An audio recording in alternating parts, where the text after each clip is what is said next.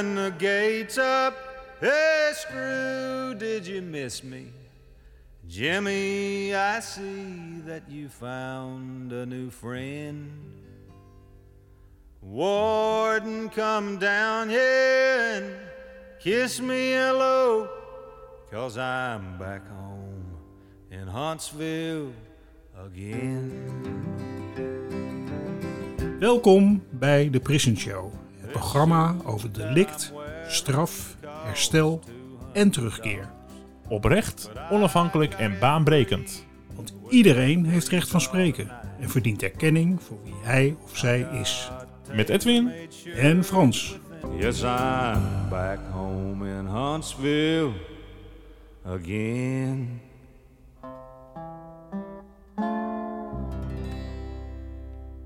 welkom. In deze podcast staan we nog één keer stil bij de ontmoetingsdag op 8 oktober in Eindhoven. Je hoort toespraken van Gertruide Grauwmans, algemeen directeur van Woenselse Poort, en vijf ervaringsdeskundigen met een bijzonder verhaal. Dat zijn Siska Postma, Piet Broenland, Daphne Sies, Iris van Oosterhout en Helene van Tamelen.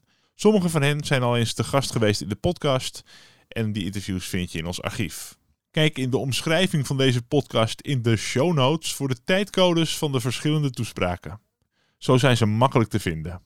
Tussen de toespraken door hoor je dagvoorzitter Peter Brown. Dames en heren, de deuren worden gesloten.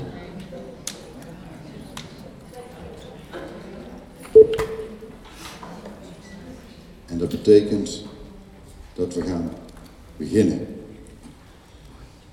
Welkom op eh, deze ontmoetingsdag Recht van Spreken vanuit de Stichting Herstel en Terugkeer. Deze ontmoetingsdag, u heeft het gelezen, is voor alle betrokkenen die zijn betrokken bij het proces van geweld, straf, herstel en terugkeer naar elkaar. Vandaag kunnen ervaringsdeskundigen die geweld hebben gepleegd of ervaren, familieleden van daders, maar ook van slachtoffers, professionals, nabestaanden en bestuurders met elkaar in gesprek vanuit hun eigen perspectief. Dat eigen perspectief is eigenlijk ontzettend belangrijk. Ik ben door de stichting gevraagd, een tijdje geleden, om vandaag als dagvoorzitter op te treden. En die eervolle taak heb ik natuurlijk onmiddellijk op me genomen. Waarom? Mijn naam is Peter Brown, ik ben psycholoog en ik ben begin 1979, dat is dus heel lang geleden, begin 1979, hier op dit terrein mijn eerste baan begonnen. Ik was toen zo groen als gras. En dat deed ik op de FBK van de RPI te Woensel. Ik woonde hier vlakbij, aan de overkant van de Bosdijk. En we noemden dat het gekkenhuis. Het heette voorheen ook wel het Rijkskrankzinnige eh, Instituut te Woensel. En dat was in de tijd dat ik begon dat de pyjama's voor de patiënten net waren afgeschaft, dat ze in gewone kleding eh, mochten rondlopen. Maar dat de afdeling er eigenlijk nog wel een beetje uitzag als One Flew over de koekoeksnest, als je die film ooit hebt gezien. Na 22 jaar werken op dit terrein ben ik verder gegaan, maar altijd in de forensische psychiatrie gebleven. Dat, uh, ja, kan niks anders vrezen. Er is ondertussen heel veel veranderd en dat zal hopelijk vandaag ook blijven, blijken. Uh, en dan moet ik even naar Bedel kijken, dan moet ik doorklikken, toch? Dat is wat we vandaag gaan doen. En uh, dat staat ook allemaal op het programma, dus dat ga ik niet voorlezen. Uh, wie zijn er vandaag? Wie zijn uw buurman of buurvrouw? Er zijn ongeveer 10 achterblijvers aangemeld. Mensen na een geweldsdelict. Er zijn ongeveer 12 nabestaanden of slachtoffers aangemeld. Er zijn 27 zogenaamde experts aangemeld. Weet niet waar ik sta.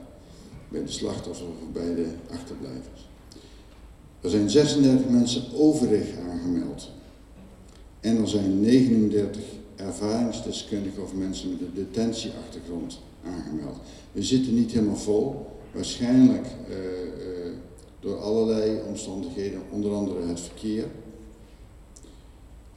Ik wil in ieder geval even beginnen met een woord van dank aan alle vrijwilligers en medewerkers van de GGZE die hier zich hebben ingespannen om deze dag te laten slagen voor de koffie, thee, de stoelen, de programma's, de drukken, de hele mikmak. Ik ga geen namen noemen, want dan vergeet ik iemand en dan krijg ik de grootste heibel, dus daar begin ik niet aan.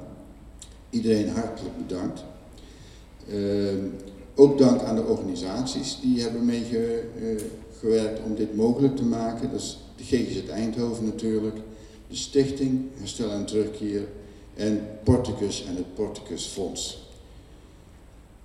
Een paar huishoudelijke mededelingen vooraf, voordat we echt beginnen met de inhoud.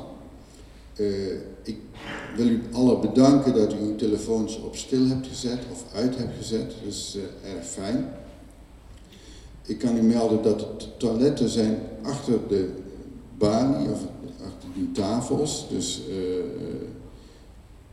daar kunt u even naar het toilet. Als u een vraag hebt, vraag gerust aan de vrijwilligers of mensen van de organisatie wat u wilt weten. Die mensen hebben op hun sticker een rode punt staan. Dus daar kunt u ze aan herkennen. En verder kunt u het aan iedereen vragen, maar die weet het antwoord dan misschien niet. Uh, de ruimtes waar we vanmiddag in, uh, of op het eind van de ochtend in uiteen zullen gaan, die staan op uw sticker. In uw sticker staat welke groep u zit. En we zullen aankondigen straks uh, met wie u mee kunt lopen in welke ruimte u zit. En mocht u dan een vraag hebben van ik ben even naar het toilet geweest en dan is iedereen weg, waar moet ik zijn? Vraag dan aan iemand van de organisatie. Even kijken, vergeet ik iets? Uh, u ziet de pauzes op het programma staan, daar gaan we ons ook aan houden. Dus als u uh, op het terrein aan het wandelen bent en u denkt, waar blijft die lunch? Ja, die lunch die wordt gewoon uitgereikt. We hebben uh, een COVID-proof lunchbox uh, bedacht. En dat wordt een heerlijke, maar wel COVID-vrije maaltijd. Ik wil u even melden, u ziet daar een camera staan. Die, die filmt alleen de sprekers, dus niet de zaal. Dus wees gerust, we krijgen geen AVG-problemen op dat vlak. En uh, dat zal worden uitgezonden in de PI Vught. Dus dat is een fantastisch initiatief dat de mensen daar ook kunnen kijken naar wat de sprekers hier vandaag te zeggen hebben. Dat waren volgens mij de praktische mededelingen. Zijn er op dit vlak nog vragen? praktische vragen? Zo niet, dan wens ik u een hele fijne dag. En dan wil ik beginnen met een warm welkom voor de algemeen directeur van de Woensel Support, Gertrude Grauwmans.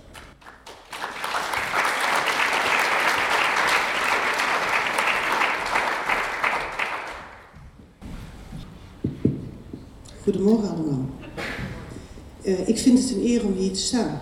Uh, toen Tom Walravens mij een hele tijd geleden in coronatijd, hè, volgens mij was het via LinkedIn, want ook dat was een middel om te communiceren, mij vroeg of uh, ik deze dag wilde faciliteren, recht van spreken, vanuit uh, de stichting, hoefde ik daar niet lang over na te denken. Um, en daar ga ik zo la later op in waarom ik daar niet langer over hoefde na te denken.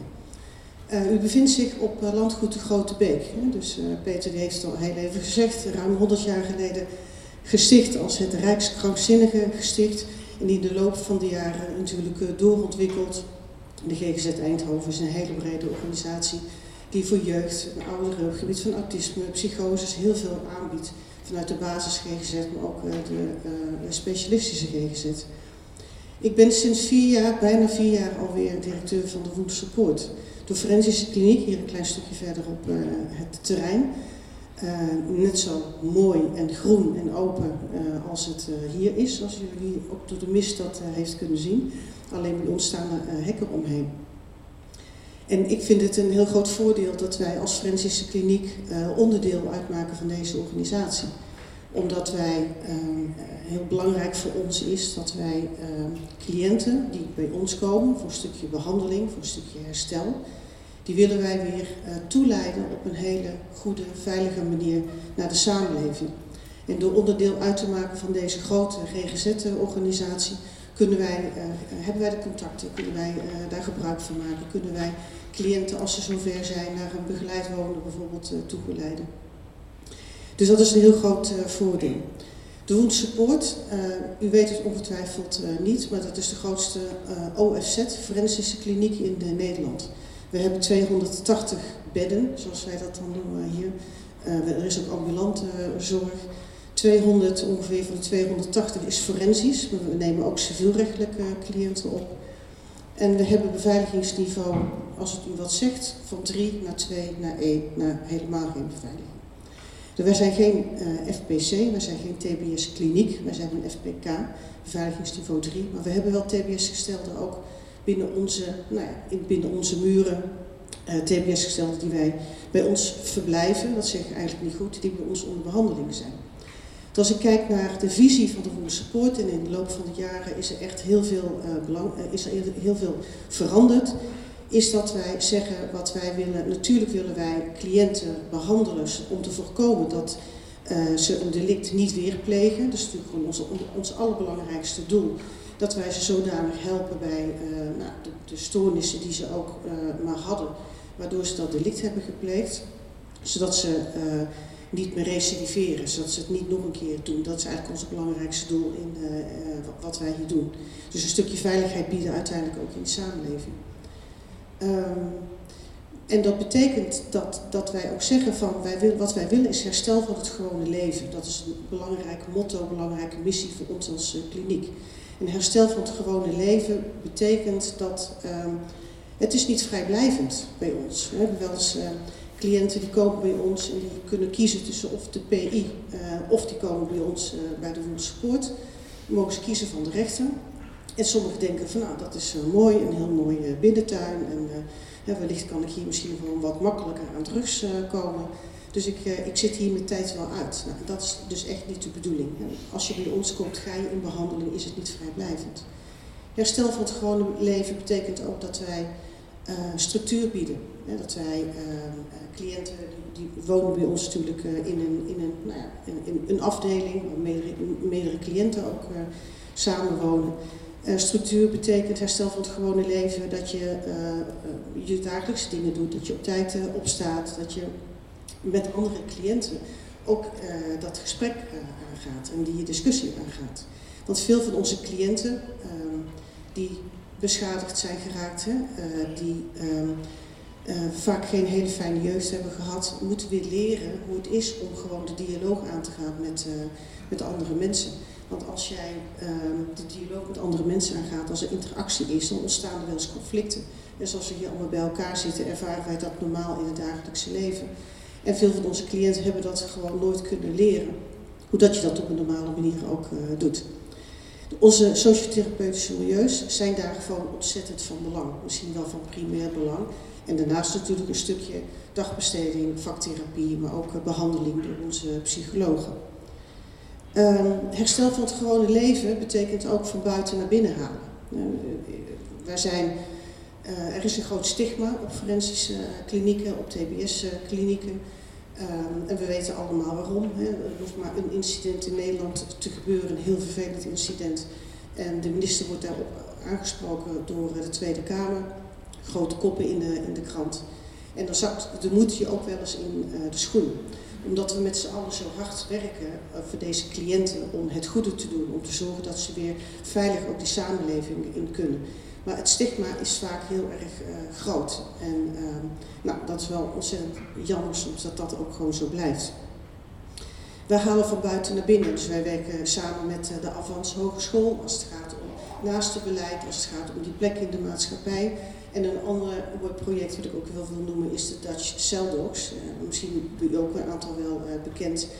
en honden, dieren kunnen een hele goede toevoeging zijn voor onze cliënten om op een andere manier interactie aan te gaan.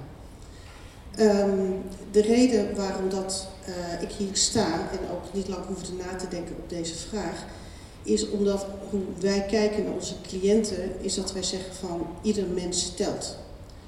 Um, en ieder mens is belangrijk. En moeten wij sympathie hebben met daders, Nou, wellicht niet, maar ik denk wel dat we empathie moeten hebben voor onze daders. Ik ben bijna vier jaar directeur hier. Ik uh, ben hiervoor heel lang heb ik bij de politie ook uh, gewerkt. Dus ik heb ook een hele andere carrière daar gehad. En ik had eerlijk gezegd ook niet zo'n kijk op daders of cliënten die hier in een dergelijke kliniek hier onder behandeling waren.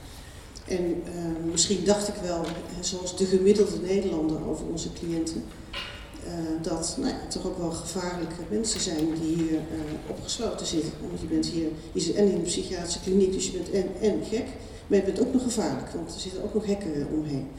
Nou, dus dat stigma, dat was het bij mij ook, en dat vooroordeel. Wat ik hier heb gemerkt, is dat ieder cliënt ook zijn verhaal heeft. Ehm, en dat als ik soms de rapportages lees, dat ehm, ik wel schrik gewoon van wat cliënten vaak in de jeugd hebben meegemaakt. Als het gaat om verwaarlozing, als het gaat om mishandeling, uh, het verkeerde pad uh, opgaan. En, uh, dus ja, verdienen ze onze sympathie? Nou, wellicht niet. Hè, omdat we kunnen nooit goed praten wat cliënten ook hebben gedaan richting slachtoffers. Maar ik denk wel, in ieder geval wel mijn empathie. Dat we ook iedereen weer een kans moeten geven, dat ieder mens telt. Eén ding vind ik nog heel belangrijk om te zeggen, is dat wij werken al heel lang binnen de GGZ Eindhoven. Zijn we voorloper, maar ook binnen de Woenspoort werken wij met ervaringsdeskundigen. En dat is voor ons een heel groot goed. U bent alle hier ervaringsdeskundigen. Um, en wij hebben gewoon gemerkt in de afgelopen tien jaar dat die contacten, maar vanuit een ander perspectief, vanuit eigen ervaring, in contact zijn met de cliënten, dat we hen nog beter kunnen helpen om die stap in de samenleving ook uh, te zetten. Uh, Peter zat al op zijn uh, telefoon of de klokken even te kijken, maar ik ga het afronden. Ik, ik kan helaas niet blijven. Ik heb begrepen van Toon dat er hele indrukwekkende sprekers ook komen. Maar ik moet nu naar Sliedrecht en dan moet ik om 12 uur zijn. Maar het wordt opgenomen, dus ik ga het zeker nog nakijken. Ik, uh, ja, ik wil u allemaal uh, ja, eigenlijk ook gewoon succes wensen. En echt tof dat dit ook gewoon gebeurt. Hè? Dat u dit allemaal met elkaar doet en gewoon het gesprek aangaat, de dialoog aangaat. En ik geloof echt oprecht, zoals wij dat met elkaar doen, met onze cliënten, maar dat herstel, hè, de weg naar herstel, dat daarvoor nodig is dat, uh, dat je met elkaar daar de dialoog aangaat en dat je daarin ook kwetsbaar uh, op staat. Dus uh, succes vandaag en wie weet tot ziens.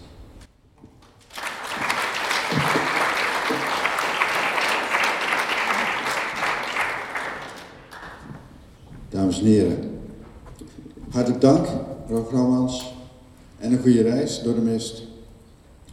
Dames en heren, vandaag komen een vijftal, nou volgen een vijftal uh, gastsprekers aan het woord, die niet allemaal veel ervaring hebben in het spreken uh, over hun ervaringen voor hun zaal. Dus heel veel respect voor de komende sprekers.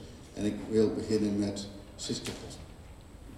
Mijn naam is Siska Postman. Ik ben 58 jaar. En ik ben 10 jaar geleden, 11 jaar geleden, in juni 2010 van Workaholic Human Resource Manager gegaan naar niets. Ten gevolge van een hersenbloeding, aangeboren aneurysma. Mijn leven was over, dacht ik. Anderhalf jaar later had ik eindelijk het gevoel de boel weer op te kunnen pakken. En weer een klein beetje waardigheid in mijn eigen leven te krijgen. Mijn toenmalige partner, mijn soulmate en ik zijn als viering voordat het zo goed ging met mij uit geweest. We hebben een leuke avond gehad, wijntje erbij. En de volgende dag zei ik, ga met de honden wandelen. En ik bleef nog even liggen. En vervolgens is hij nooit weer teruggekomen. Onze band was zo sterk dat ik een uur later al voelde dat hij niet meer leefde. Het werd koud en hard rond mijn hart. Ik ging van vermissing naar moord. Van een rustig sprookje naar een nachtmerrie in een rollercoaster.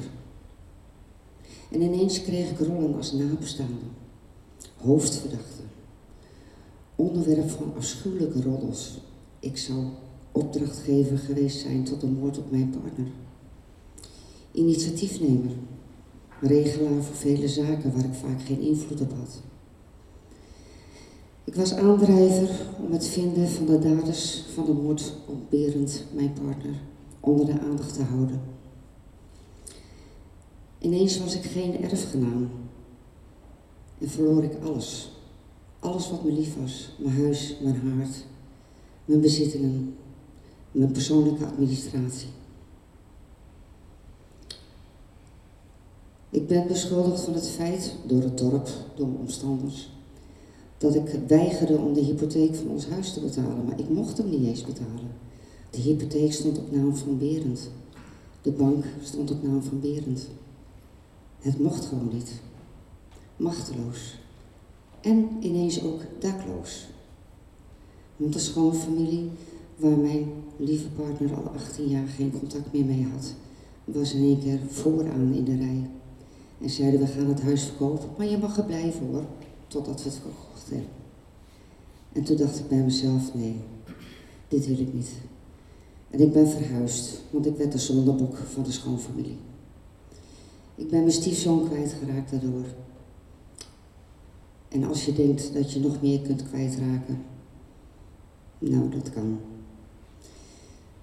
Nog geen maand na zijn overlijden ben ik verhuisd naar Leeuwarden. In een appartementje om dicht bij mijn zus te kunnen wonen. Zij zou mij uit de put houden. Nog geen half jaar later overlijdt mijn zus aan een hersenbloeding. Ze laat een man en twee kleine kinderen achter. In januari 2014 laat ik mij vrijwillig opnemen bij GGZ Zuid-Laren. Ik voel me zwaar depressief, maar tijdens mijn behandeling werkt mijn voorkomen mij tegen. Mijn behandelaars begrijpen niet dat ik schreeuwende behoefte heb aan het naar boven halen en het uiten van verdriet, frustratie, pijn en onmacht. Want daar ben ik het type niet voor. Ik straal het niet uit. In april 2014 moet ik een tweede operatie ondergaan ten aanzien van mijn aneurysma. Ik ben een lopende tijdbom.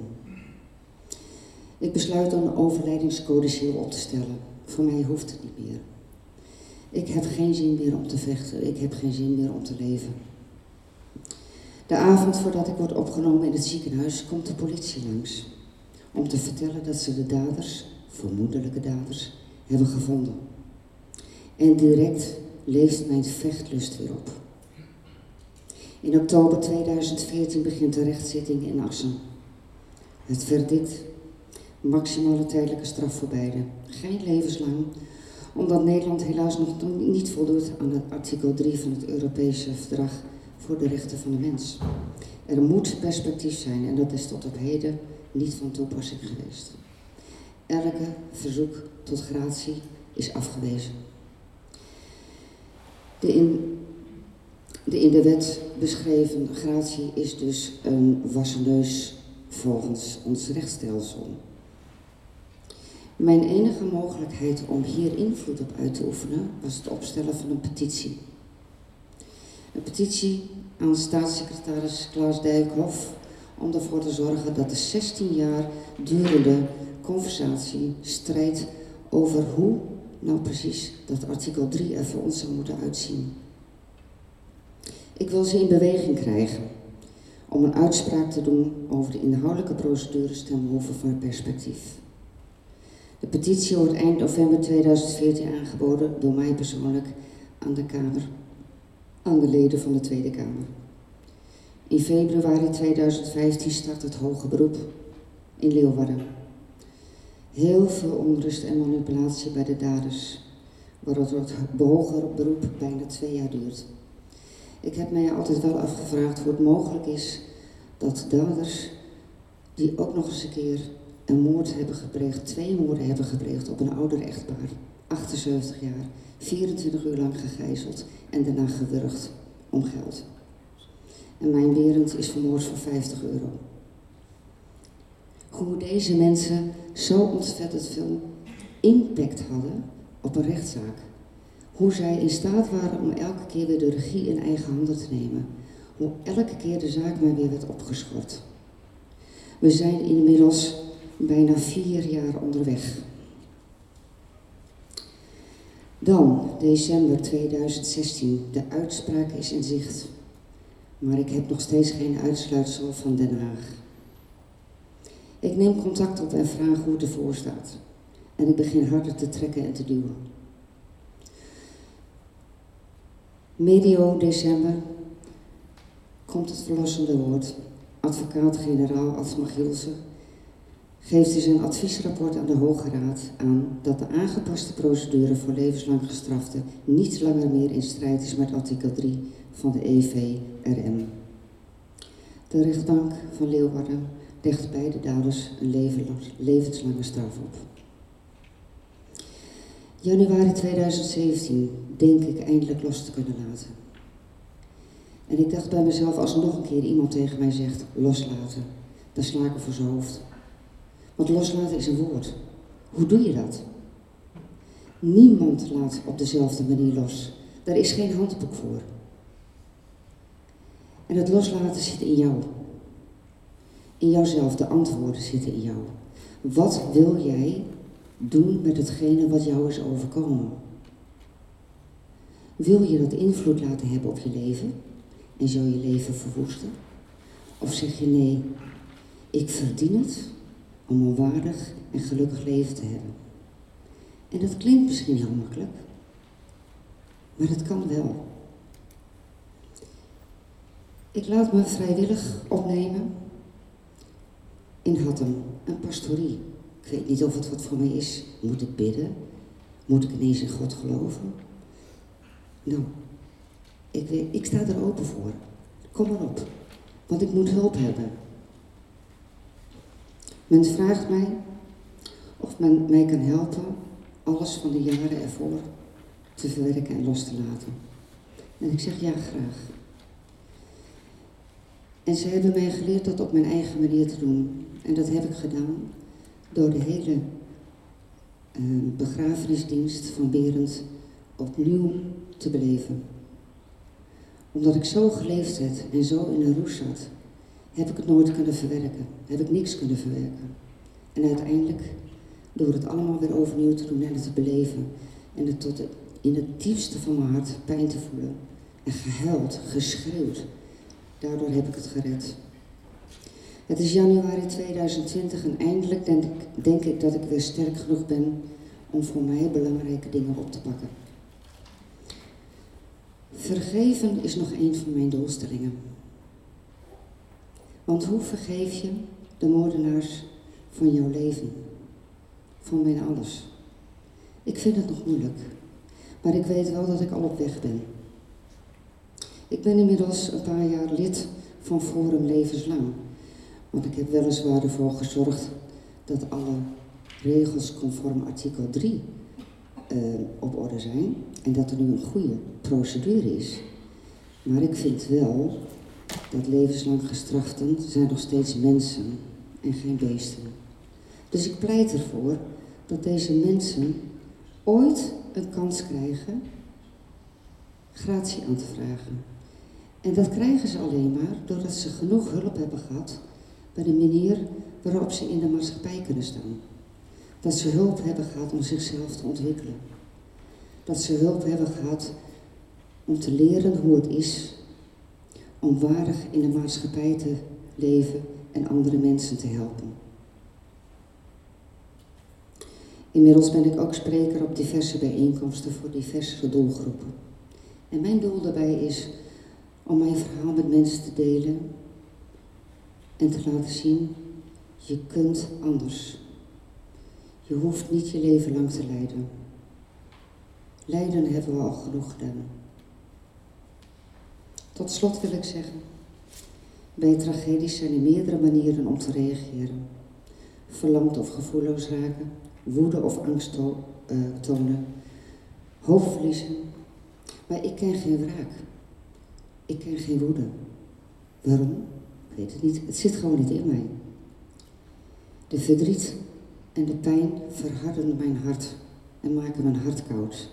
En dat is mijn doelstelling geweest om dat te veranderen, omdat ik een warm hart wilde weer.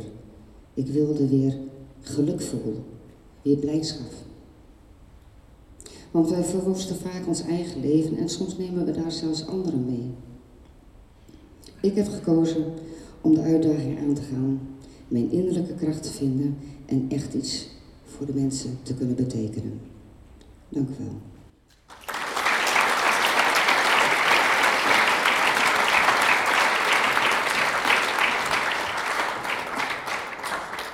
Dames en heren, als twee tegengestelden zoals de tijger en de man elkaar kunnen omhelzen, dan is alles mogelijk. De volgende spreker, Piet Bloedland. Goedemorgen, mijn naam is Piet Boerland en ik uh, ben zeer vereerd dat ik hier vandaag mag staan. Ben ik goed te verstaan? Allereerst wil ik uh, de stichting bedanken, Stichting Herstel en Terugkeer voor deze mogelijkheid. Ik wil de Woensel Support bedanken voor de locatie. En ik wil iedereen bedanken die zijn bijdrage heeft geleverd aan vandaag. Uh, ik ben erg onder de indruk van het verhaal van de vorige spreekster. En ja, dat, dat, dat raakt mij. En, ik denk dat het vandaag niet de eerste keer zal zijn. En ik geloof dat dat geldt voor mij, maar ik denk dat het ook geldt voor jullie allemaal.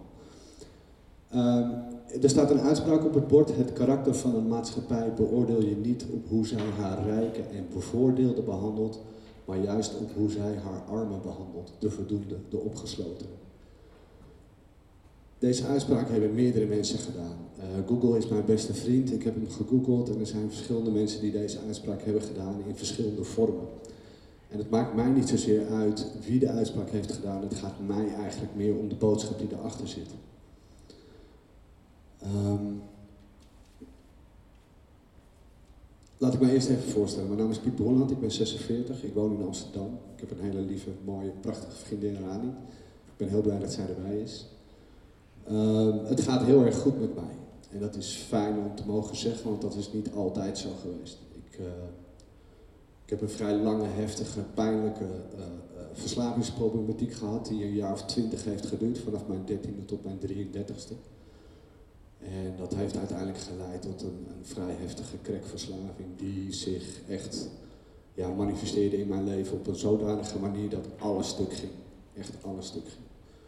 Ik had er geen controle over. Ik stond totaal machteloos. Mijn leven werd echt onhanteerbaar. En ik verloor alles en iedereen om mij heen. En dat uh, was al pijnlijk op zich genoeg. En in die twintig jaar van actieve verslaving heb ik ook tien jaar in verschillende straffen in Nederland gedetineerd gezeten. En wat ik merkte was dat het stigma op verslaving, uh, het stigma op gedetineerden, het stigma op mensen die anders zijn, anders denken, anders doen, heel groot is. En vandaag de dag ben ik, werk ik in de zorg. Ik ben ambulant begeleider bij HVO Querido in Amsterdam in de psychiatrie. Ik werk met mensen die een, een psychiatrische kwetsbaarheid hebben, voornamelijk ja, mensen die schizofrenie hebben. Maar die ook een verstandelijke, vaak ook een verstandelijke beperking hebben, verslavingsproblematiek, persoonlijkheidsstoornissen. Een vrij pittige doelgroep. En ik werk daar elke dag mee en ik zie de hopeloosheid. Ik zie de pijn, ik zie het verdriet, ik zie de angst. Ik zie de moeite om aan te haken. Aan te haken in de maatschappij, mee te doen, uh, aan te sluiten, hun weg te vinden. En dat, dat, dat raakt mij, omdat ik diezelfde ervaringen heb. Omdat ik het herken. Ik voel het in mijn, in mijn lichaam, in mijn ziel, voel ik het. Als ik iemand tegenover mij heb staan of zitten, die die niet meekomt, die het niet meer weet, die het eigenlijk niet meer ziet zitten, die de hoop heeft opgegeven op een beter of een ander leven dan wat hij of zij nu leidt. En, en, en, en dat raakt mij, omdat als je. Stel je voor, je hebt een psychiatrische kwetsbaarheid en, en je begrijpt dingen niet omdat je ook een verstandelijke beperking hebt. En daarnaast hoor je stemmen in je hoofd en om die stemmen weg te krijgen rook je een jointje omdat het dan beter wordt, stiller wordt in je hoofd. Maar dat jointje, dat zet vervolgens ook weer die, die, die psychiatrische kwetsbaarheid of die psychosegevoeligheid weer in gang. En zo blijf je in een visueuze cirkel bewegen en, en kom je niet verder. En ik zie het elke dag, de hopeloosheid, de pijn, de verdriet. En, en wij als maatschappij, tenminste dat is mijn mening, wij leggen deze mensen een bepaalde druk op. Wij leggen deze mensen een, een, een, een verantwoordelijkheid op waarvan wij vinden dat ze die zelf moeten dragen. Maar wat nou op het moment dat iemand dat niet kan? Of wat nou op het moment dat het iemand niet lukt, vanwege welke uh, kwetsbaarheid dan ook. Hoe gaan we daar dan vervolgens mee om? Gaan we harder straffen? Gaan we ze langer opsluiten? Gaan we mensen nog eerder gedwongen opnemen? Gaan we nog meer medicatie verstrekken? Hoe gaan we met deze mensen om? Ik, ik heb net die situatie geschetst van die fictieve cliënten. Je bent 30, je, hebt een, je bent opgegroeid in een, in een onstabiele thuissituatie, je hebt een verstandelijke beperking, psychiatrische kwetsbaarheid, verslavingsproblematiek. En het lukt je niet. Je hebt al meerdere malen vastgezeten, je hebt schulden, je komt niet meer mee. Je loopt constant achter de feiten aan. Je hebt dan weliswaar een woning. Ik werk in een housing first setting, dus ik begeleid de mensen in de thuissituatie en dat is hartstikke fantastisch. Maar het lukt je niet. En uiteindelijk kies je ervoor om je oude patronen weer opnieuw in te zetten. Je verleiding van geld, criminaliteit, verslaving, het ligt allemaal op de loer. En, en wij als maatschappij, en ik merk dat ook bij sommige van mijn collega's, rekenen mensen toch nog steeds af op het gedrag wat ze laten zien. We beoordelen mensen op het gedrag. En, en het risico daarvan is, is dat we de mens achter het gedrag niet meer zien. Dat we alleen naar het gedrag kijken en daar alleen mensen op afrekenen. Want stel je nou voor, hè, er zitten eh, mensen in de zaal die uh, familieleden van daders of slachtoffers of zelf hun eigen ervaringen, net zoals ik die heb. Maar mag een desbetreffend persoon, die fictieve cliënt die ik net schetste, en misschien heeft hij ook nog wel in het verleden een, een zedendelict gepleegd, mag zo iemand onze buurman zijn? Mag zo iemand met onze kinderen spelen? Mag zo iemand in de buurt super zijn boodschappen doen? Hoort hij erbij? Mag hij aansluiten? Mag hij opnieuw een kans vinden? Wat vinden wij daarvan? Hoe gaan we daarmee om? En als ik dan kijk naar, stel je voor dat Nelson Mandela deze uitspraak heeft gedaan, hè, of tenminste ik twijfel daar ook nog wel een beetje aan. Hoe gaan wij om? Hoe gaan wij om met de mensen die anders zijn, anders denken, anders doen? Horen die erbij? Ik krijg wel eens de indruk, en ik wil niet al te veel uh, de politieke kant op gaan, maar dat mensen die anders zijn, anders denken, anders doen, die worden weggezet. Die horen niet bij, die worden uitgesloten, die mogen geen dingen meer. Die, die, die kunnen niet meer meekomen. En als je het dan ook inderdaad echt niet begrijpt, dan val je in een bepaalde situatie, kom je dan terecht. Dat je het verliest. Dat je het verliest van jezelf, van je verslaving, van van je verstandelijke beperking, van de stem in je hoofd, van, van datgene wat je allemaal moet.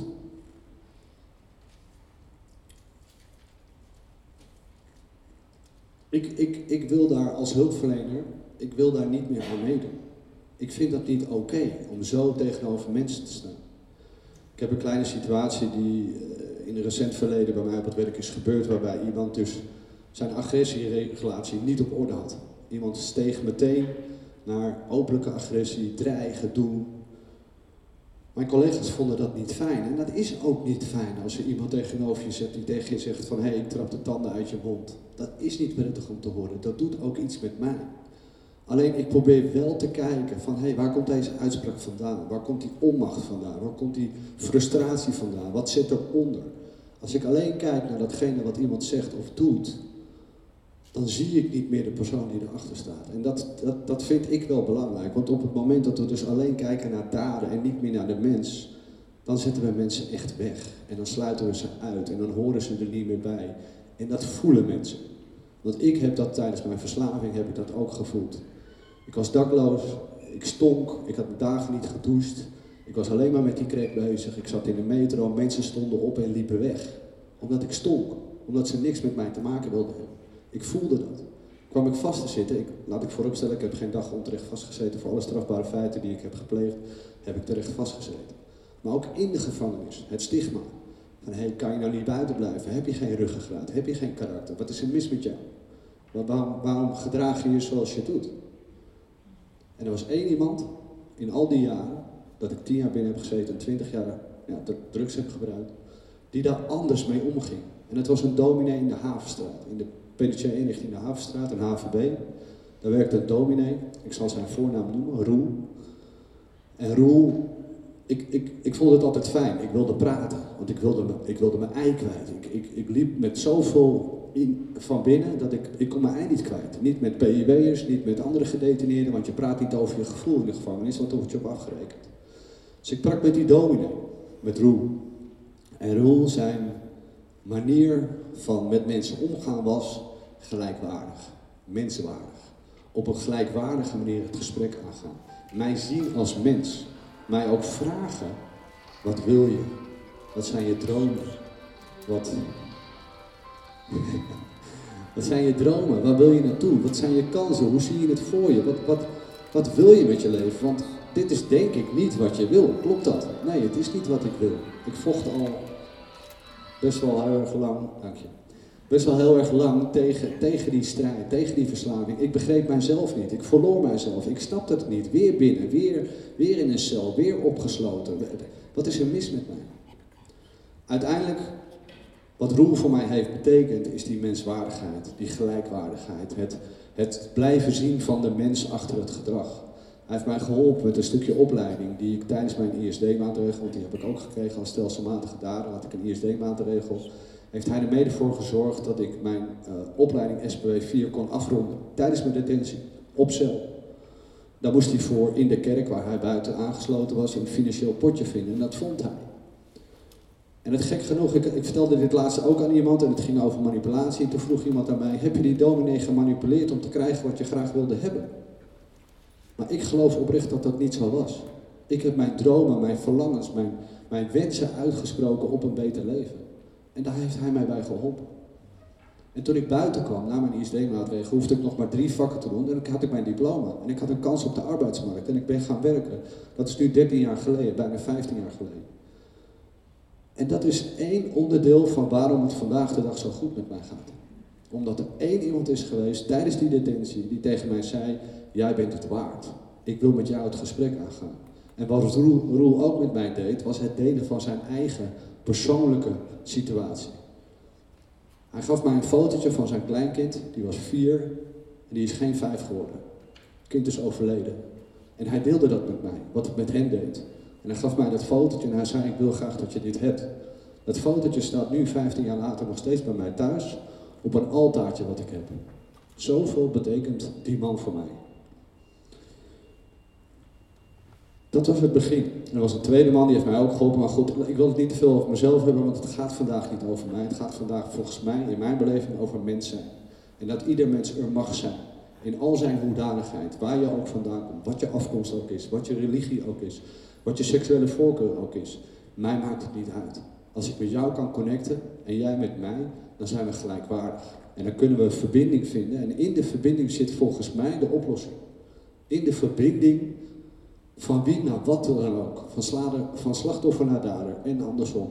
Van gedetineerde naar PIB, van verslaafde naar hulpverlener. Van mens tot mens, van buurman tot buurman. Van minister-president tot de man op de straat. Alleen die verbinding is misschien. Nou goed, dat ik daar niet te veel over. Uh...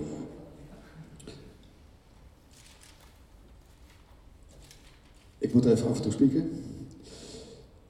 Wat ik dus aangaf is dat ik daar niet meer in mee wil gaan. Niet meer in het wegzetten van mensen, niet meer in het veroordelen van mensen. Gedrag is vaak leidend, of dat nou bij de rechtbank is of, bij, of in penitentiaire inrichtingen of op straat, het is vaak leidend. Maar laten we alsjeblieft wel blijven kijken naar de mensen die daarachter zitten. Uh, in mijn werk sta ik altijd, nee, ik, laat ik het anders zeggen. Ik ben, kom wel eens in conflict met mijn collega's. Omdat die zeggen, je staat te veel aan de kant van de cliënt. Ik begrijp dat niet. Hoe, hoe bedoel je te veel aan de kant van de cliënt staan? Ik, ik ken dat, ik, ik sta er altijd naast, of ik sta er voor, of ik sta er achter. Het maakt mij niet uit. Als ik ervoor sta, doe ik dat omdat iemand misschien zelf iets niet kan. Als ik erachter sta, probeer ik iemand te ondersteunen in het pad waar hij of zij zelf voor kiest. Als ik ernaast sta, doe ik dat in een ondersteunende manier. Dat is voor mij de manier waarop ik mijn werk invul. Ik zit in twee vakgroepen eh, binnen, binnen HVO Querido waar ik werk, forensisch en, en vakgroep verslaving. Omdat ik vind dat de kennis niet altijd op de juiste plek terechtkomt. En dat die kennis wel gedeeld dient te worden met iedereen die met dit soort mensen, even onderscheid maken, dit soort mensen. Dat iedereen die met mensen werkt, die kwetsbaarheden hebben. Laten we de informatie met elkaar delen. Laten we zien dat we betrokken zijn. Laten we uh, zoveel mogelijk kennis opdoen om iemand zo goed mogelijk te ondersteunen. En dan niet alleen kijken naar het gedrag, maar juist op wat erachter zit. Als ik als hulpverlener ga denken dat ik weet wat het beste is voor mijn cliënt, dan sla ik de plank in mijn beleving mis. Omdat het niet gaat over mij. Het gaat over die, degene die tegenover mij zit. Wat kan ik doen als hulpverlener, als mens, om jou tegemoet te treden, om jou in je kracht te zetten, als je dat überhaupt inderdaad ook zelf wil. Wat is daarvoor nodig? Welke wegen moeten we daarvoor bewandelen? Nogmaals, en ik, ik hou het kort omdat ik het eigenlijk niet te lang wil maken, omdat ik ook andere sprekers de ruimte wil geven. Als we alleen kijken naar het gedrag van mensen, of naar het gedrag, dan vergeten we de mensen die daarachter zitten. Ik blijf dat herhalen, omdat ik dat een hele mooie uitspraak vind. Ik wil niet alleen kijken naar gedrag. Ik wil juist de mens zien. Ik wil verbinden. Ik wil connectie maken. Ik wil, ik wil delen. Ik wil samen. Ik wil hè, eh, eh, samen door iets heen gaan. Of samen iets aangaan. Of samen. En dat, dat, dat ontbreekt wel eens. Ik kom bij cliënten thuis die zijn eenzaam, verdrietig, angstig, boos. Vanwege allerlei verschillende dingen. En ik ga daar gewoon zitten. Ik zeg vandaag, hé, hoe is het met je? Wat heb je nodig? Wat kan ik voor je doen? Hoe voel je je? Waar loop je tegenaan? En de titel van vandaag, van deze bijeenkomst, is Iedereen heeft recht van spreken.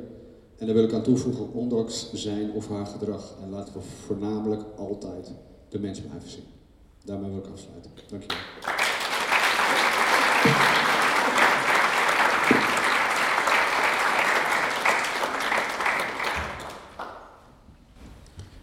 Dankjewel Piet.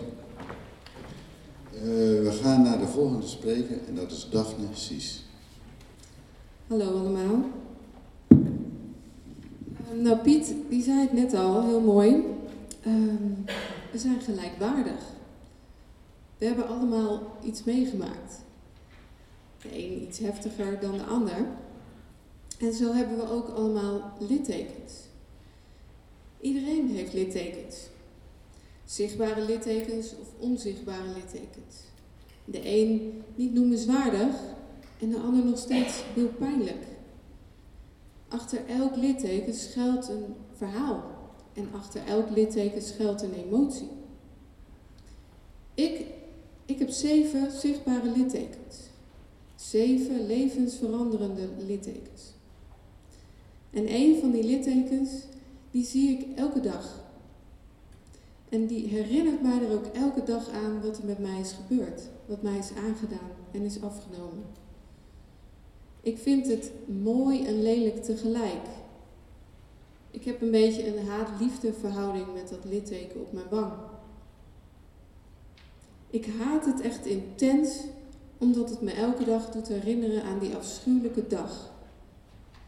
18 februari 2012 zei mijn ex tegen mij: Als ik jou niet kan krijgen, krijgt niemand jou. Hij sleurde mij mijn woning in pakte een mes uit mijn keukenla en begon als een gevoelloos monster op me in te steken. Verbijsterd was ik, verbaasd over wat er gebeurde. Bang voor die enorme koude blik in zijn ogen. Contact, dat was er niet.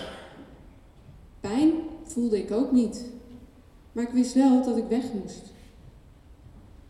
Gelukkig hield hij plotseling op en kon ik weg, kon ik vluchten en mezelf in veiligheid brengen. Dat ik gewond was, dat wist ik wel, maar niet hoe erg.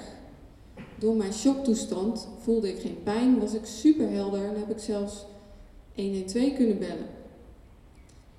Eenmaal in het ziekenhuis bleek ik een doorboorde long te hebben, diverse steekwonden op mijn rug, mijn borst, mijn handen en een diepe snee van mijn ene wang naar de andere. Ineens kwam toen ook dat harde beeld in me op dat ik mijn hoofd naar beneden heb gedaan toen hij met zijn mes op weg was naar mijn hals. Liefde en haat, dat ligt echt heel dicht bij elkaar. Het litteken op mijn wang zie ik nu als symbool van leven. Het heeft waarschijnlijk letterlijk mijn leven gered. Ik ben getekend en ik leef. Het hoort nu bij mij. Het maakt, mij, het maakt wie ik ben. Het toont mijn kracht en wil om te leven. Die kracht heb ik ergens altijd al gehad. Blijkbaar beschik ik over een grote mate positiviteit die mij op de benen heeft gehouden. Niet dat mijn weg van herstel makkelijk was. Ik heb echt hele diepe dalen gekend. Maanden aan therapie gehad.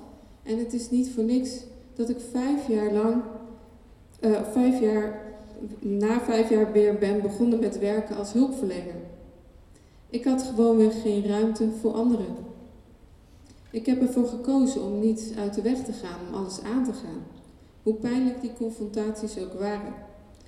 Het was een pittige weg, maar wel een weg waaraan ik de controle had.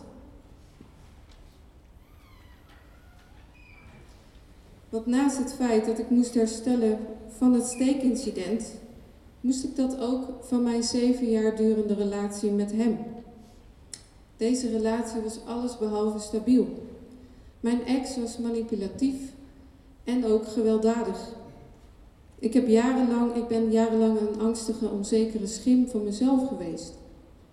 Altijd paste ik mij aan aan hem. Ik wist immers nooit hoe hij wakker werd en wat voor dag het zou worden. Ik zei op alles sorry, oh sorry. Ik heb me lang geschaamd voor het feit dat ik zo'n lange relatie met hem heb gehad. Wie begrijpt dat nou? Ik had toch veel eerder bij hem weg kunnen gaan? Misschien is het overwinnen van die schaamte wel het moeilijkst van alles geweest. Na het incident in februari 2012 heb ik mijn ex twee keer opgezocht in de gevangenis. Ik was op zoek naar iets van een waarom en iets van een spijt. Een echte waarom heb ik nooit gekregen en een sorry ook niet. Wel las ik de pijn in zijn ogen en ik zag dat hij gebukt ging onder wat hij had gedaan. Dat maakte dat ik hem niet meer als een monster zag, maar als een persoon die vastzat in een mix van schuld, verdriet, schaamte en wanhoop. Ook hij moest herstellen.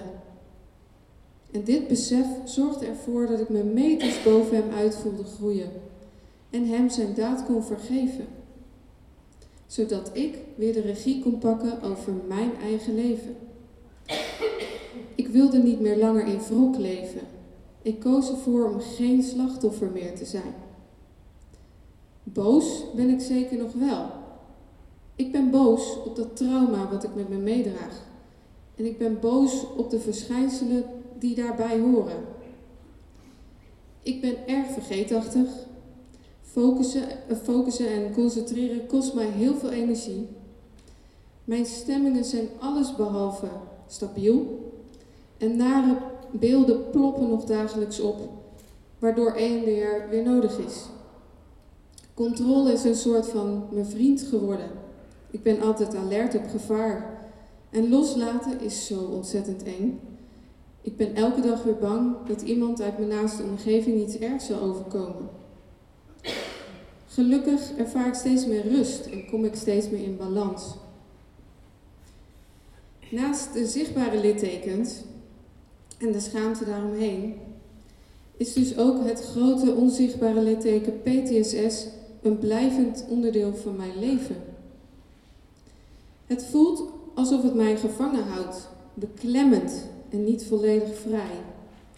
Ik merk dat ik mezelf soms niet kan laten zien zoals ik dat graag zou willen vrij en onbevangen, met een naïeve vorm van naaste liefde, heel veel humor en huppelend door de wei. Hoewel ik heel rustig oog, is het in mijn hoofd een chaos van hersenspinsels en onzekerheden.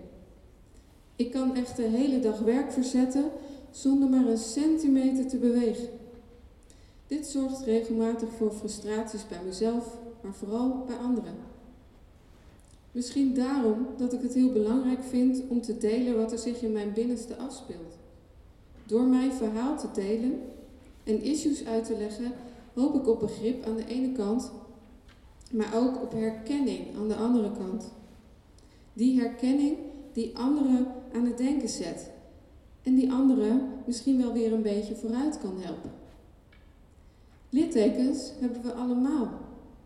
Laten we ze omarmen en vullen met liefde. Laten we ze mooier maken, want dat wordt draaglijker. En laten we nieuwsgierig blijven naar elkaar. En denken aan het verhaal achter die littekens. Ik ben trots op waar ik nu sta en ik ben trots op het geluk dat op mijn pad is gekomen in de vorm van mijn grote liefde Michiel en mijn prachtige dochter Madelief. Ik leef en ik geniet en ik hoop dat jullie dat met me meedoen. Dankjewel.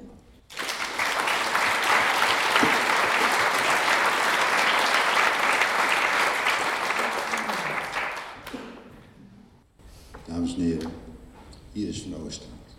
Hallo allemaal. Wat een uh, indrukwekkende sprekers voor mij. En uh, Daphne had het over het woordje erkenning.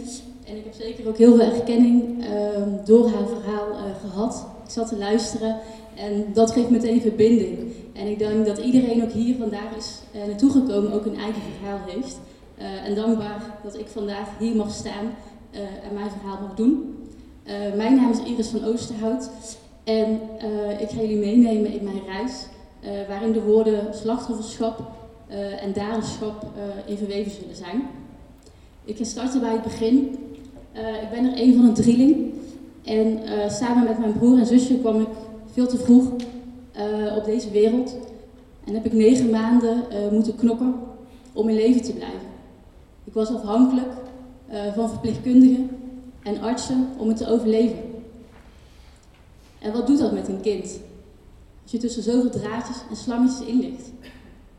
De hechting die dan zou moeten ontstaan, was in mijn geval kapot en heeft schade opgeleverd. En tot de dag van vandaag zal ik daarmee moeten dealen.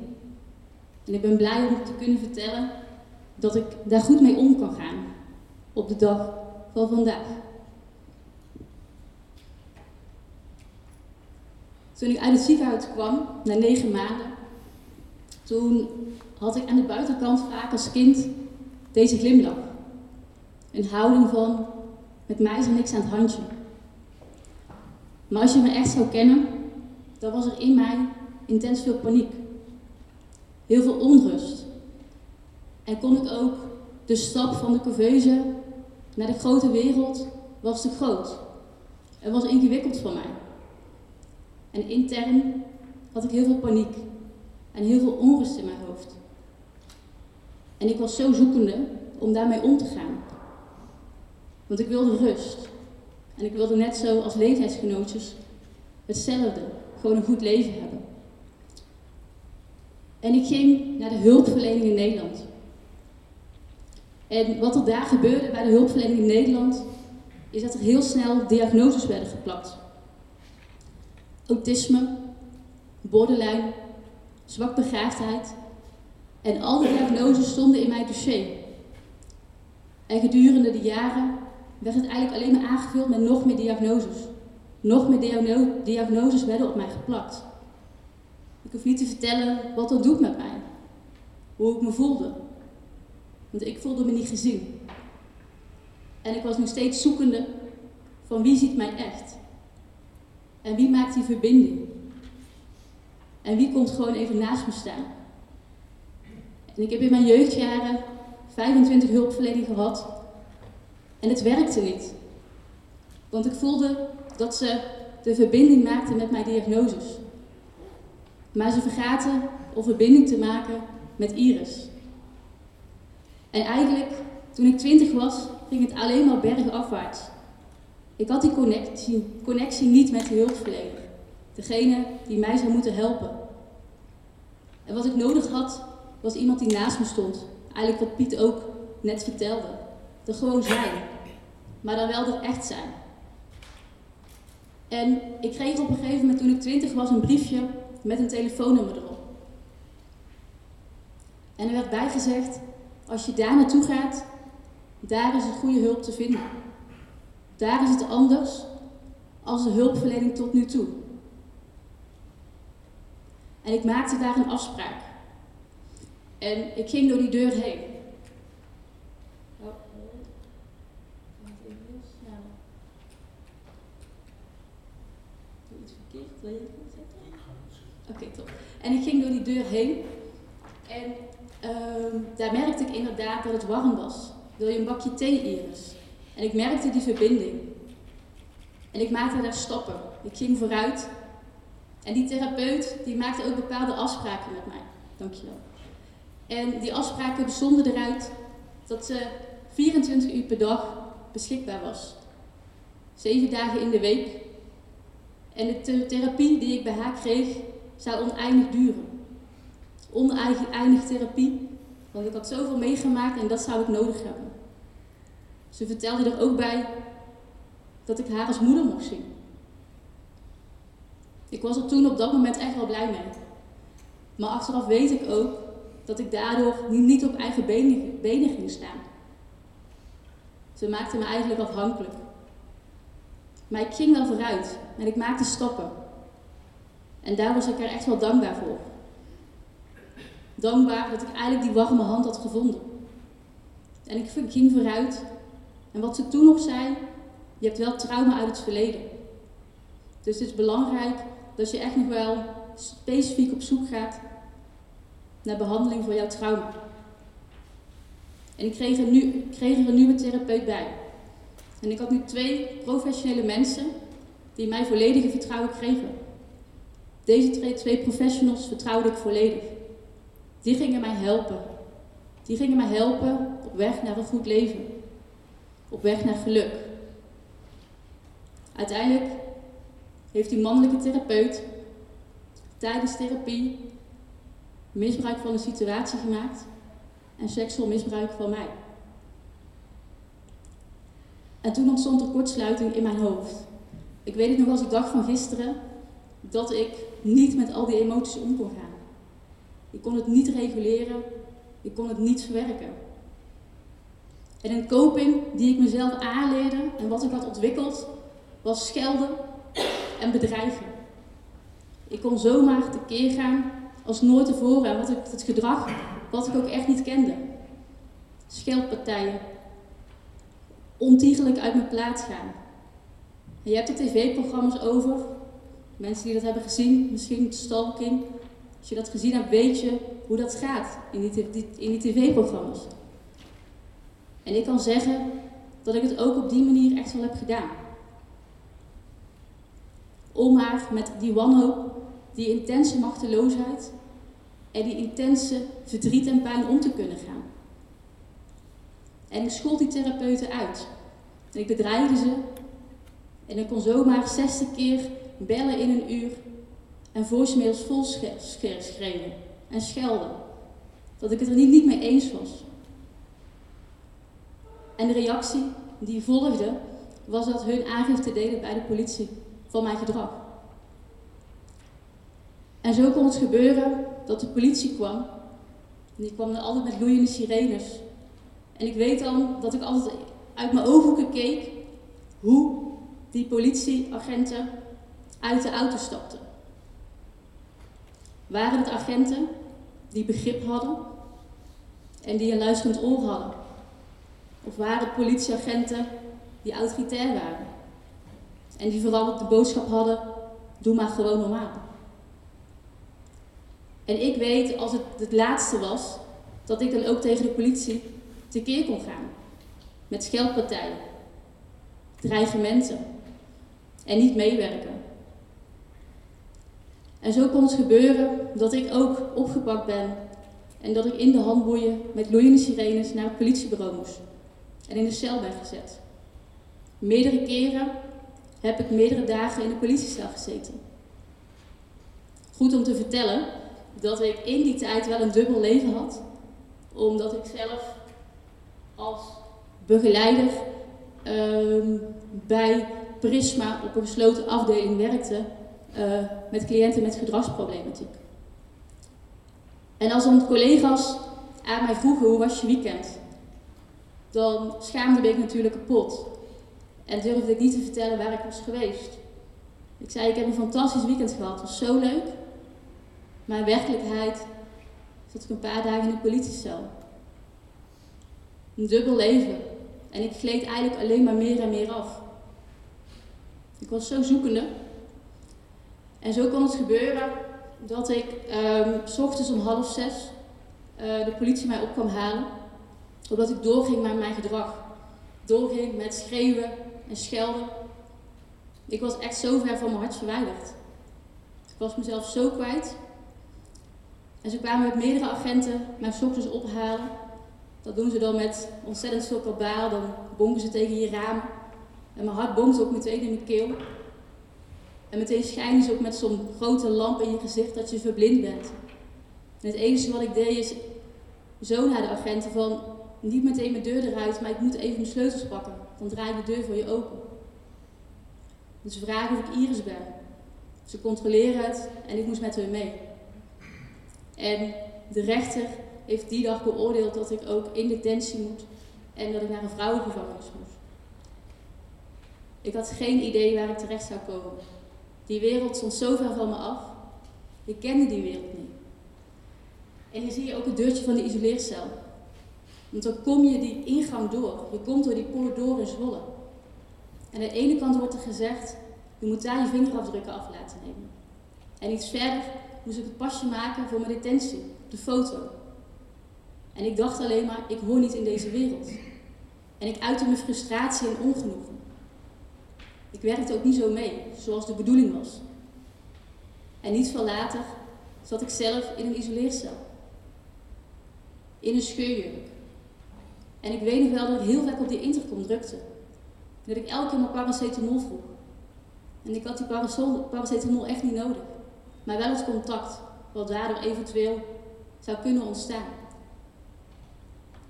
En daarna mocht ik uit de isoleercel. En kwam ik op de PPC, de psychiatrische afdeling.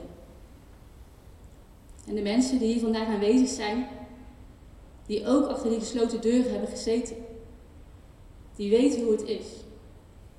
Die weten hoe de wanhoop, het intense verdriet en alle negatieve gedachten en de pijn die je alleen moet verwerken.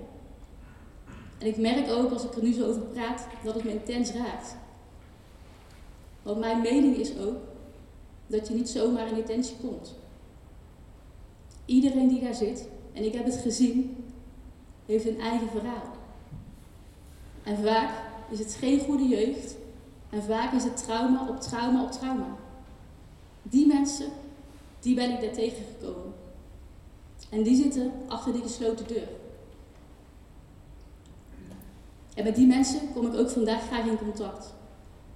Omdat ik ervan overtuigd ben, als je die verhalen gaat delen met elkaar, dat dat ook herstellen is.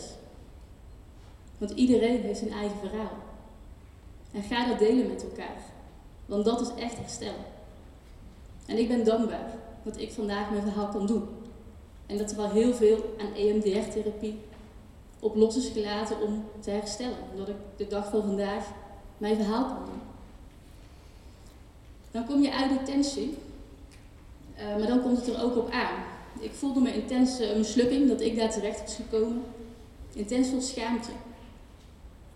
Maar je hebt één of twee mensen nodig die voor jou echt het verschil maken. Ik had een teamleider en die zei tegen mij: Je mag terugkomen naar werk. Want ik geloof in jou als persoon. En ik had dus een strafblad, maar ik mocht toch weer in de zorg werken. En hij zei er ook bij: Mocht je me nodig hebben, kom dan naar me toe. Want dan kan ik er echt voor je zijn en dat wil ik heel graag. Want je bent het waard. En die man, die teamleider, heeft voor mij het verschil in mijn leven gemaakt. Door er te zijn. Door het vertrouwen te geven. En door beschikbaar te zijn. Daarnaast heb ik ook nog een hele goede psycholoog uh, van de forensische zorg. Die ook super goed werk heeft verricht. En waar ik ook heel dankbaar voor ben. En ik zeg ook altijd, bedankt gevangenis, want anders was ik niet bij de forensische zorg terechtgekomen. En uiteindelijk heb ik een psycholoog die de verbinding maakte. Die naast me ging staan en eigenlijk alleen van mens tot mens het contact maakte. En daar ben ik al die jaren naar op zoek geweest. Niet zo die methodes en niet dat ingewikkelde hogere wiskunde maar van mens tot mens het contact maken.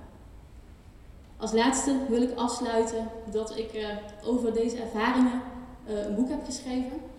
Ik ben begonnen in detentie met schrijven, uit verveling, maar ook uh, om het te verwerken. En ik kan zeggen, door het schrijven heb ik ook heel veel verwerkt. Dat boek heet Sterker dan het onrecht. Ehm, dat is vandaag hier ook aanwezig. Mocht je interesse hebben, dan, kan dat. Um, als laatste wil ik toevoegen dat uiteindelijk de, de therapeut waar ik zo boos op was en uh, beschuldigd heb, um, stond uiteindelijk een krantenbericht uh, van een ander slachtoffer in de krant. En daar herkende ik mijn verhalen. Uh, ik heb toen aan de krant gevraagd met voor- en achternaam van mijn therapeut en het was dezelfde man. Dus uiteindelijk hebben er heel veel slachtoffers zich gemeld en is dat een rechtszaak geworden. Uh, die therapeut is uiteindelijk ook veroordeeld. Uh, die therapeut ging weer in hoger beroep omdat hij dat kende. dat duurt jarenlang, dat is dan vier jaar ben je verder. En uiteindelijk is hij in hoger beroep ook veroordeeld. maar dat, dat, dat is traumatisch en daardoor heb je inderdaad een hele lange leidingsweg. maar ik denk wel dat ik met mijn verhaal laat zien dat er hoop is en dat het echt goed kan komen. Nu ga ik afronden en ik wens jullie uh, namens mij nog een hele fijne dag uh, vandaag op deze dag.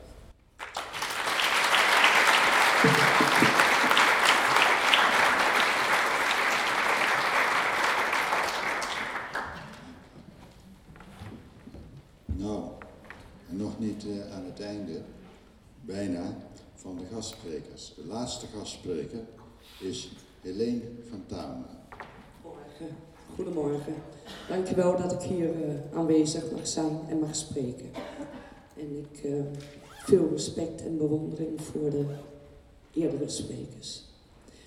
Ik zou mij voorstellen, ik ben Helene Vertamelen. Ik ben moeder van een dochter en een zoon, Debbie en Michael. Ik heb uh, prachtige kleindochters. Ik heb jaren gewerkt als zelfstandig ondernemer en na mijn scheiding ben ik gaan werken in de ouderenzorg als verpleegkundige. Soms zijn er momenten in het leven waar, waarin je altijd een voor en een na hebt. En sommige momenten blijf je altijd bij. Twee van deze momenten wil ik aan jullie vertellen. Er was zo'n moment op 5 juli 2010. Voor deze datum waren wij een hardwerkend gezin met een dochter, Debbie, waarmee ik drie horecazaken runde. En een zoon, Michael, die meewerkte in het bedrijf van zijn vader. Die samenwoonde, net een huis had gekocht en waarvan ik dacht, het gaat goed met hem. Op maandagochtend 5 juli 2010 was er een arrestatie waarvan er was een arrestatie door een arrestatieteam en met totale verbijstering hoorde ik dit aan en had geen idee wat dit allemaal betekende. Ik wist niet wat er aan de hand was en wat ik moest doen, omdat we totaal onervaren waren met alles wat met een arrestatie of met een delict te maken had. Hierbovenop kwam later die dag de allergrootste schok toen we hoorden waarvoor Michael was gearresteerd. Een vreselijk delict. Verkrachting van twee meisjes in Nijkerk. In de weken hiervoor, voor zijn arrestatie, had ik hier wel over gehoord. Maar er was geen moment in mijn gedachten gekomen dat dit in verband kon worden gebracht met Michael. Het ongeloof, de bolsheid, de woede, het onbegrip voerde voor mij de boventoon in die tijd. Het niet kunnen bevatten dat mijn zoon de dader was van dit vreselijke delict. Het verdriet wat ik vooral voor de slachtoffers voelde. En daardoor niet toekwam aan mijn eigen verdriet. In de jaren die hierna volgden kwamen wij erachter dat er geen enkele vorm van hulp en of begeleiding was voor ons als familie van een dader. Er is geen richtlijn die ik kan volgen. Je weet niet welke procedures er gaan komen. En ook ontdekten we dat er geen begrip is voor je verdriet. En dat je er maar beter niet over kunt spreken. Mensen denken vaak, als je erover spreekt, dat ik zijn dader goed wilde praten. Geen moment is dit in mij opgekomen. Er is geen emotie die je niet treft. Pas na ongeveer vier jaar had ik een moment dat ik kon ervaren, aanvaarden dat dit bij ons leven hoorde. We hebben een zoon en Debbie heeft een broer die iets vreselijks heeft gedaan. Die mensen hun leven heeft verwoest, maar die nog steeds bij ons gezin hoort. Simpelweg omdat we van hem houden. We moesten gaan werken aan de toekomst. Altijd in de jaren die volgden bleef we hopen op een betere toekomst. En het leek erop dat dit ook ging gebeuren. We ondersteunden Michael tijdens zijn jaren in detentie. Michael ging in januari 2017 naar de kliniek in Den Dolder. Hier vertrouwden wij erop dat Michael de behandeling en begeleiding kreeg die hij nodig had. Ook hier hadden wij geen ervaring mee. We wisten niet wat we konden verwachten en wat we konden doen. Op woensdag 4 oktober was Michael niet te bereiken voor ons en bekroop me een onbestemd gevoel. Uiteindelijk kreeg ik telefonisch contact en bleek dat Michael een terugval had in gebruik van zijn cocaïne. Ik haalde hem op van het station in Utrecht en nam hem mee naar huis. En vervolgens bracht ik hem terug naar de kliniek. Dit was het moment waarop de angst in me sloop. Waarom? Geen idee. Het gevoel zei me, er klopt iets niet. Maar wat? Op maandag 9 oktober was er weer zo'n moment. Een voor en een na. En het besef dat je leven nooit meer hetzelfde wordt. Ons leven en dat van veel andere mensen. Het wordt nooit meer hetzelfde. Op 9 oktober was ik niet meer alleen de moeder van Debbie en Michael, maar werd ik de moeder van Michael P. Want Michael was wederom gearresteerd. Nu omdat hij werd verdacht van de vermissing van Anne Faber. Wat een ongeloof, verdriet, woede, onmacht, schaamte en angst trof me. Alle emoties die me getroffen hebben in 2010 kwamen dubbel zo hard aan in 2017. Het verdriet, ongeloof, bolsheid, onmacht. Het was met geen pen te beschrijven.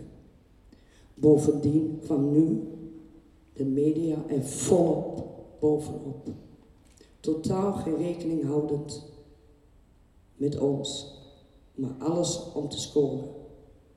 Op social media gingen er bedreigingen rond. Niet alleen over Michael, maar ook over ons. Achtervolgingen, bedreigingen, er gebeurde zoveel. We hadden het gevoel in een hele slechte film te zitten, waar nooit geen einde meer aan komt. En weer de ervaring dat er geen enkele hulp en begeleiding was. Helemaal niets. We stonden alleen tegenover Nederland. We waren bezig met het verdriet om een slachtoffer, familie van het slachtoffer, een dader en in de laatste plaats dachten we aan onszelf. Ja, Michael is een dader en wij zijn familie, die net als alle anderen de daad veroordelen, die net als iedereen de daad niet kunnen begrijpen, maar wel enorm verdriet hebben. Ook heeft Michael met zijn daden ons leven voorgoed veranderd. Een ongelofelijke rollercoaster, terwijl je niet weet wat je moet doen, wie je kan bellen. Je hebt zoveel vragen, maar er kan bij niemand terecht voor een antwoord. Letterlijk Nederland ontplofte. Er kwam een stroom van reacties met daarbovenop die ongelooflijke aandacht van de media. Uit onze eerdere ervaring hebben we geleerd dat je vrouw niets moet zeggen, want je bent de familie van een dader die veracht wordt door het hele land. Als familie word je met de dader geassocieerd. En er wordt een duidelijke lijn getrokken. Je bent net zo fout als de dader. Wat je die momenten ook zal zeggen, het zal nooit goed zijn. Je kan niks goed zeggen. De kop in, het kranten, in de kranten over het monster die dit delict heeft gepleegd. En de reacties op social media.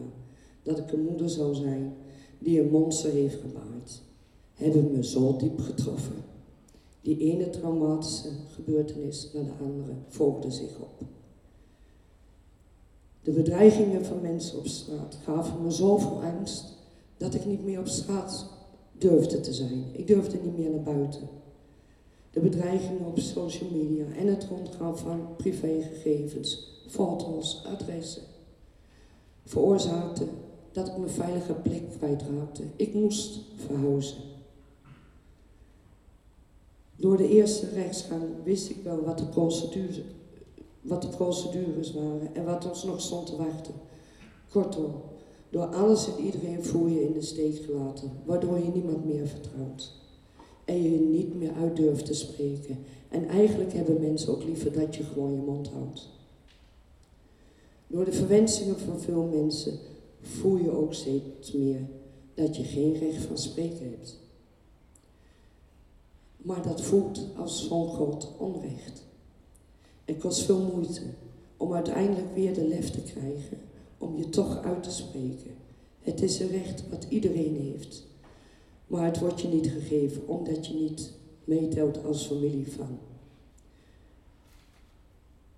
Nog een voorbeeld is dat je zoveel psychologische hulp nodig hebt om je traumatische ervaring te kunnen verwerken, maar dat er werkelijk geen psycholoog is waar je in eerste instantie je begrepen voelt, waar je verhaal kwijt kan. Uiteindelijk, psycholoog nummer 5 was de juiste voor mij. Deze psycholoog kon mij verder helpen en heeft mij gebracht waar ik nu sta. Een delict treft zoveel mensen. Het slachtoffer, een familie, vrienden waar veel verdriet zal zijn en misschien nooit geen herstel meer. En daar is alle begrip voor en terecht. Maar een dader heeft ook een netwerk van mensen om hem heen. Ook een moeder, een vader, een zus, een broer, een oma en een opa. Daar is geen begrip voor. Als ik dan terugkijk naar onze ervaringen, heb ik verschrikkelijk veel moeite met het feit dat familieleden van toekomstige daders dezelfde ervaringen zullen hebben als die wij tweemaal hebben gehad. Omdat ik weet dat de weg zo lang is voordat je kan herstellen. Vanaf het begin van de arrestatie moet er begeleiding en hulp zijn, zodat je weet welke je weg je moet gaan bewandelen en wat je het beste wel en helemaal niet kan doen. Iemand die je wegwijs maakt in het doolhof van de gang van zaken in het PI, in de procedures, een steunpunt voor de vragen, de omgang met de media, een psycholoog die ervaring heeft of in ieder geval weet hoe ze je op de juiste manier weet te helpen. En bovenal is er een veilige plek nodig, want ieder mens heeft recht Ieder mens heeft recht op herstel en terugkeer.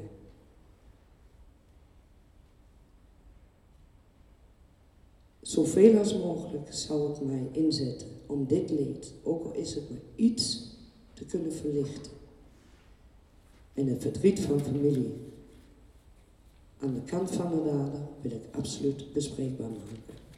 Dank u wel.